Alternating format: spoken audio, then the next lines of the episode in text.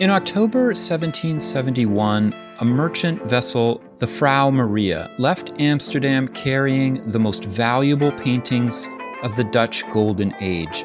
The ship was bound for Russia to deliver its artworks to Catherine the Great, and then the Frau Maria sank.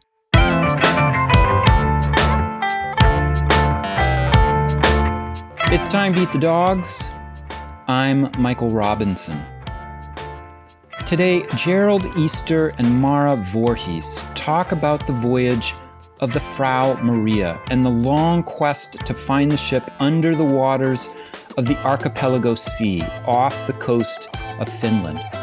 Easter is a professor of history at Boston College. Voorhees is a travel writer for Lonely Planet with an expertise in Russia, New England, and Central America. They are the authors of the Tsarina's Lost Treasure, Catherine the Great, a Golden Age masterpiece, and a legendary shipwreck. Gerald Easter and Mara Voorhees, thank you for talking with me. Uh, thanks for inviting us, Michael. Lovely to be here. So, your book starts describing the voyage of the Frau Maria, which leaves Amsterdam in 1771. What happens on this voyage? Well, the captain and his ship get a late start going out of Amsterdam, and they don't depart until the early fall. And fall in the Baltic is a dangerous time. Mm. So, when the ship is sailing through the archipelago sea or through the upper Baltic, it gets blown off course by a squall in the sea and um, gets swept up onto a rock. And the ship and the crew fight the storm for a little bit, but they the ship is damaged, so they can't save the ship. They nobody dies, which is the happy part of the story, but they don't manage to salvage very much of the cargo at all. And she sinks to the to the depths of the archipelago sea, which is a corner of the Baltic, which is breathtakingly beautiful. But it's also the reason that it's so pretty is that it's um, just dotted with all of these islands and skerries. And uh, as a result, there's also hundreds of shipwrecks down there. So the Frau Maria joins many, many other ships at the bottom of the of the Baltic. And the Frau Maria is carrying a secret cargo that's headed to St. Petersburg. Could you talk about that? Yeah, I'll take that one. The ship leaves Amsterdam on the way to St. Petersburg, filled with all these luxury goods for the Russian aristocrats.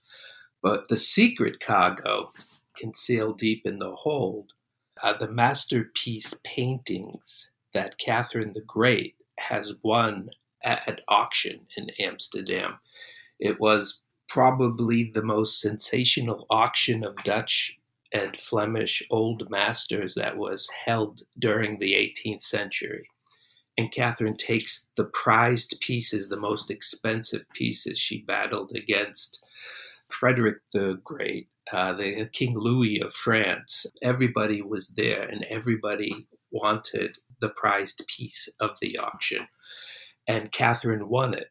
And so that's the cargo that is concealed on Frau Maria. It's a treasure ship of sorts. Its treasure is a cultural treasure.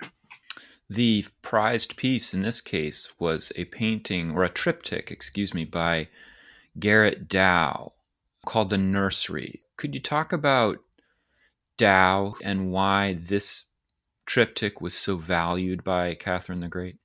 Sure.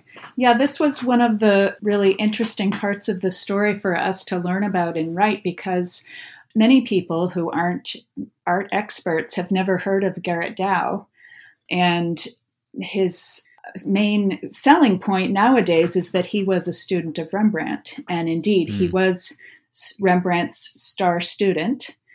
But what's really interesting and what we discovered as we did our research is that back in the day, during the Dutch Golden Age, this student actually surpassed his master, so to speak at the time that they were both living, Rembrandt was also a celebrated painter and his paintings were much appreciated.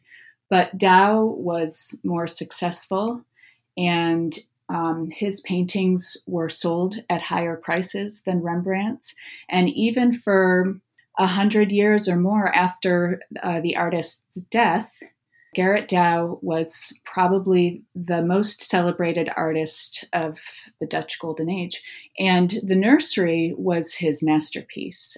Many of Dou's paintings are quite small. This one is was the biggest work that he ever completed. It was a three in one. He painted it late in life, and his goal was to capture what goes into becoming an artist. And so the three paintings portray three different aspects of what goes into being an artist. It's not it's their nature, their talent, as well as their training. Mm. Just wanted to mention as well when we first heard of the story and of the shipwreck and of the paintings and the possibility of it being raised, people were excited that these paintings might reappear to the world. We heard about it in the Russian press, which said that there was a stash of Rembrandt paintings. When we got into the research, we realized that there are no Rembrandts on this ship. And in fact, the prized piece was this triptych by Gerrit Dou, who frankly neither of us were familiar with. At first, there was this bit of a kick in the gut. There's like, oh, there's no Rembrandts on board, and this is our book that we're writing. Yeah. And then but as we thought about it and learned more about Dou and realized people don't know Dou and people don't know his story, and that that we actually have something very original to tell here and something very interesting you can learn from that Dou was in fact the the first international superstar of the Dutch Golden Age. Yeah, I was I was really fascinated by that, and it was it came as a complete surprise to me that Dou was the celebrated one uh, in his lifetime during the Dutch Golden Age, and I thought maybe as a a way of uh, providing some context for that. Could you talk about what people valued so much about Rembrandt and how Dou carried that forward? In the 18th century, what made Dou's paintings uh, so admired was his ability to recreate reality on the panel as close to nature, to the real thing, than any other painter of this time. And at that time, this was a highly valued attribute of art.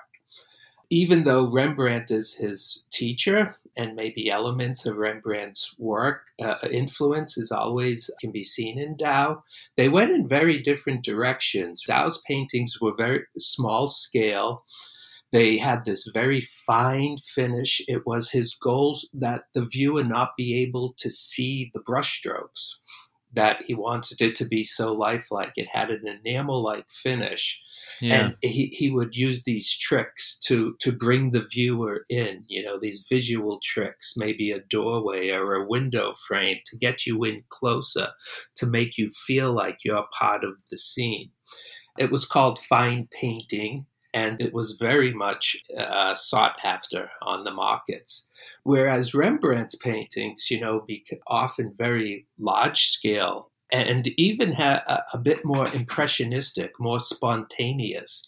And, and so that's the direction that Rembrandt went, just trying to to capture an element of the inner person and I think that's the part of Rembrandt's work that that makes him such a transcendent artist. Why he he's was really kind of proto modern, as opposed to Dou, whose talent was to recreate reality. But by the second half of the 19th century, we had photography. And all of a sudden, this virtuoso talent seemed to be um, not so special. One of the things that I really enjoyed so much about reading your book is that it's not just the story of um, the search for buried treasure. You actually spend time in these various contexts. And one of the most interesting for me is where you talk about the Dutch Golden Age and really actually talk even about what is it like to be an apprentice in Rembrandt's studio and how do you make the paints, for example, that he uses. Um, and these paints were made by hand. And and the other thing I found really interesting was they also came of age, Rembrandt and Dou, at a point when patronage is changing and, and tastes in painting is changing and the people buying them is changing. Can you talk about that and how it affects the art that's being produced? Sure, yeah. So, up until that point, the main patron for artists was the church. And so, most of the paintings were religious.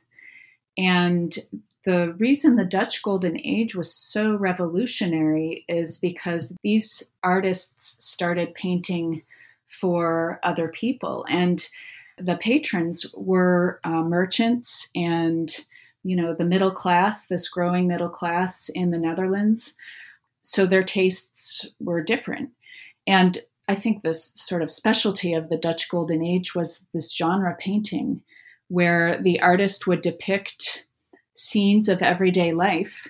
Um, and this is something that Dou excelled at, just catching a glimpse of a shopkeeper tending their store or you know workers in a household flirting slipping away from the from the rest of the household to do a task and getting caught in a flirtatious moment or a mother tending to her children i mean it was really um, these everyday scenes that these little slices of life and Dou used so Dou really used his paintings to tell stories, but they weren't biblical stories. They weren't the same stories that other painters had been telling for hundreds of years. These were these were stories that people could see and recognize themselves or recognize their own sort of real life in in the artwork. And I think you know what's revolutionary there is really capturing just everyday human values and human activities and and sort of giving them putting them in a position of of beauty right? Saying this is this is a beautiful thing that we're that we're looking at here. Yeah. Catherine the great is the sovereign who purchases dou's painting the triptych of the nursery and she plays a big role in your book and she's a really fascinating person can you talk about catherine the great both as a sovereign and her particular interest in this type of art? Yeah. The book plays the rise of Gerrit Dou off against the rise of Catherine the Great. Uh, they both come from humble origins and rise up to be a master of his craft, where she rises up to become the empress, empress of Russia. So the story plays a little bit back and forth with their ascent. Once Catherine takes the throne, she is intent on making Russia a great power in Europe. And great power status is is something that comes from you know, from military might, of course, and from wealth, but also it, it was presented through through culture as well through your acquisition of great cultural works, through your patronage of composers and artists and um, scientists. And, and so Catherine is very much intent on raising Russia's status, especially in the geocultural competition of uh, early modern Europe. And as a personality, once she discovered that she liked something, she was absolutely uninhibited about getting as much of it as as she could. uh, so this might be true of her lovers. it might be true of uh, her territorial conquests in the south. But it was also true of art collection. She absolutely transformed the European art market. She came in and bought collections en masse instead of a few pieces of them. She was reviled by the French and the English aristocracy because, for stealing their national treasures. and she even contributes to, I think, the transition in the relationship between art in society or art in power, in that her voracious collecting leads to a nationalist reaction in, in places like France and England that ultimately, uh, that only a few years later lead to the creation of the Louvre uh, or the National Museum. institutions that are of the nation. The art belongs to, to, Yeah. to the nation. Do you feel that um, that Catherine's interests in art were purely geopolitical, or do you think she had a personal interest as well in these artworks? I think that she had a personal interest. She did not, she was not an expert, especially at the beginning. And she gathered around her advisors and people who were experts, art aficionados, who could advise her on what she should buy. She had her- people stationed in Paris and in The Hague and all over Europe so that they could keep their eyes out for any collections that were coming up for, for sale for auction and they would advise her what she should buy. And she had this, she developed these relationships with, you know, with art experts, with Diderot and with Galitzin. These were people who lived in Europe and had an expertise, and she cultivated this relationship so that they could help her amass her collection, but also she corresponded with them and she learned from them. Yeah. So I think that she really developed an appreciation and a knowledge about art as the years went on, certainly. So the great painting that she purchased is now sunk on the bottom of the archipelago sea uh, off the coast of Finland in the 1770s. And there are efforts made to salvage this wreck. Can you talk about those? Yeah, so the news that the ship has crashed on the rocks and, and that it can't be saved, this creates a crisis in the Winter Palace for Catherine. And, she immediately uh, mobilizes her foreign minister to concoct a plan by which they can locate the ship and salvage the paintings. And there is, for the first couple of years, there's a concerted effort to search the waters to try to locate where the wreck has gone down. There's a team of Russian art restorers standing by on the coast in Finland. And at the time, the salvaging industry was a, a bit more sophisticated than you might think it would be. They had diving bells, they had uh, pontoon lifts, and there were eyewitnesses that thought they knew where the ship went down. And, and, so I think, you know, the ship goes down in October, so they can't really look for it until the next spring, early summer. Yeah. And all throughout that summer, they're out on the water looking for it, and they just can't locate it. And the next summer, they were sent back again before Catherine finally gave up the search. As it turned out, where the ship went down was right in the middle of an underwater moraine, an underwater sea cliff. And so the ship uh, uh, sits there kind of like a pearl inside of a of a hard clamshell. And when and people were mm-hmm. sounding in the area, they were hitting that cliff and not finding the ship. Yeah. The next place that you take this story is forward in time to the 1950s, where there are efforts made to clear a a fishing obstruction in the archipelago sea. What happens then?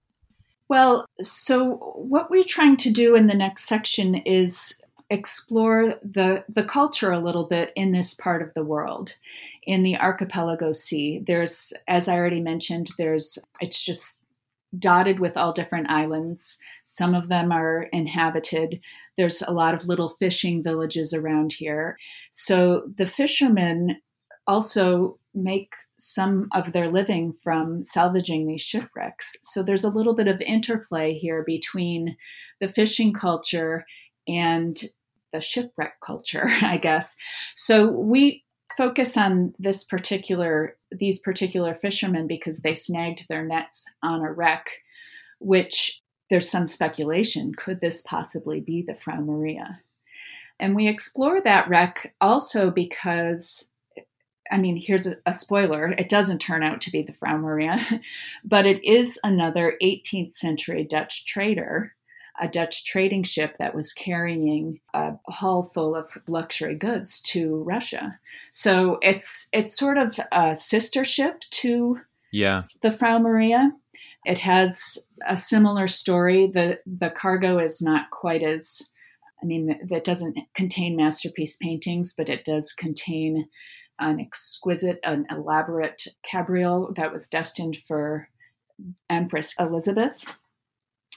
And that's sort of the beginning of the interest in underwater in, in maritime archaeology in Finland.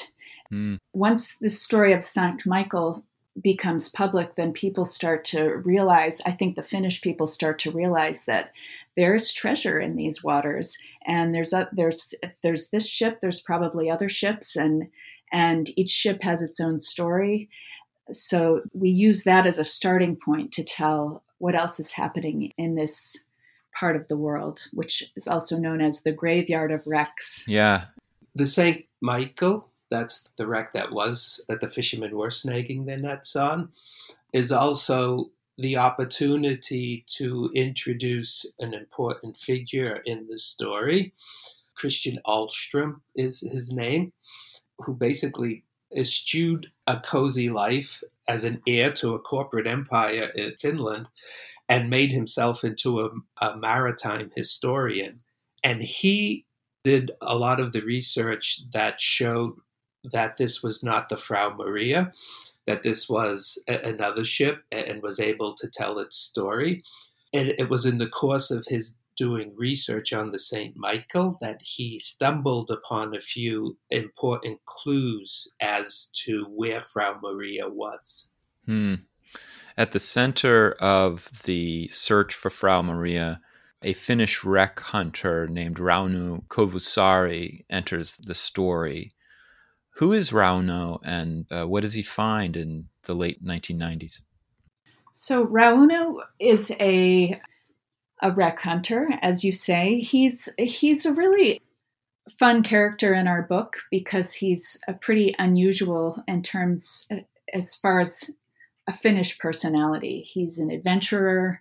He's really finds a way to do his own thing. He's in he likes diving and he turns diving into a career in terms of developing this expertise and finding things underwater anything anything that people need to have found whether it's mm. your lost car keys or uh, dead body or um, really he told us lots of crazy stories about things that that he was hired to find. You know he was hired for a while he was working primarily for insurance companies. Oh interesting. Yeah. He also developed an interest in shipwrecks because this part of the world is so rich in shipwrecks this is what a lot this is what the recreational divers do. There's not a lot of colorful fish in the icy cold water of the baltic yeah but there right. but there are shipwrecks and they're and they're well preserved because of the conditions there.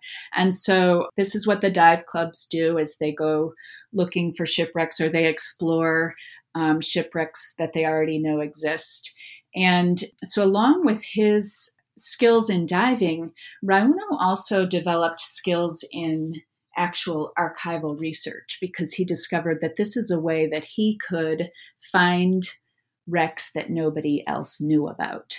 Mm. And not only that, this is the way that he could find the story behind the wreck. So maybe some of his colleagues or friends would be diving on a wreck, but they didn't really even know what it was. They would just go down and see if they could find anything interesting. Whereas he would look for clues and then go back to the library or go back to the archives and try to find out what was the story here. What hmm. what year where was the ship bound? What happened? What's the history? So the Frau Maria was a local legend, especially among divers, and I think there was always some I think every year there was probably different people that went out with varying degrees of seriousness, hoping that they could find the Frau Maria. I mean, it was just one of these ships that everybody talked about and nobody knew where it was. And it was always sort of like a, a fantasy that you would stumble on it one day.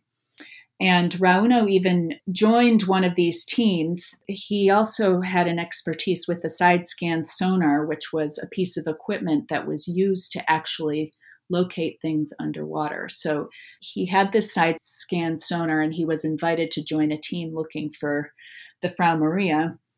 This was in 1998. And what was the quote that one of his friends used to describe Rauno? He doesn't like to join somebody else's party. so they had a hard time. He did not get on well with the rest of his team. He is a leader, if nothing else. And so when he wasn't in the leadership role, I don't think things went very well. But one of the sources of frustration for him was that they had not done their research. They hadn't looked in the archives to get to find out where they needed to be looking. And so after that disappointing experience in 1998, he decided that he was going to put together his own team and do the archival research and launch his own search the following summer. And it was successful. Yeah. So, what is the fate of Dou's painting? uh, that's the big question, isn't it?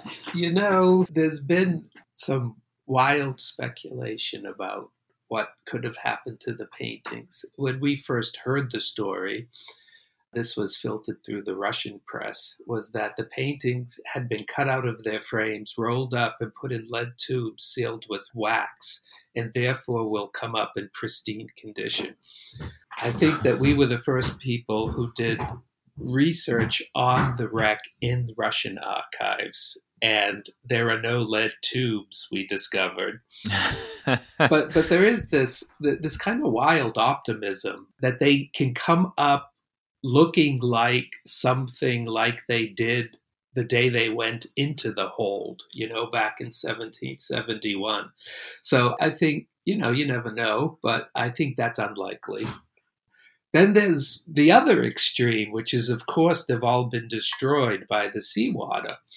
And I think that also should be dismissed as well. First of all, only a few of the paintings were actually painted on canvas uh, most of them were painted on wooden panels, oak panels. And it's likely that it's somewhere in between. These are paintings that are badly damaged, perhaps ruined, but they may still dis- be able to discern with the eye or with the help from some uh, technology, be able to discern the images of the paintings. You know, as for the triptych, where we come around in the book is is to say that you don't try to salvage it with only with the expectation that this is now something that can go back onto a museum wall. Right. But yeah.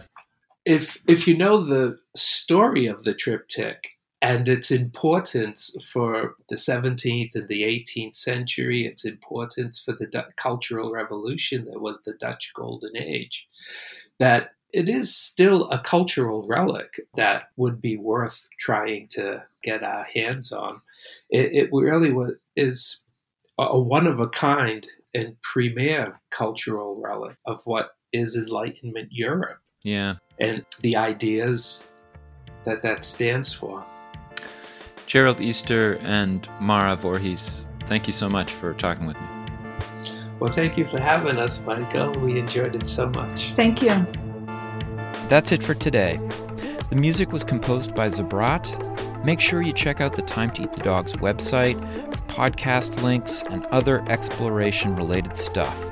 And if you get the chance, please take a minute to rate and review the show wherever you get your podcasts. It really helps make the show visible to new listeners. And if you want to recommend a guest or make a comment, feel free to contact me at Time to Eat the Dogs, that's one word, lowercase, at gmail.com. See you next week.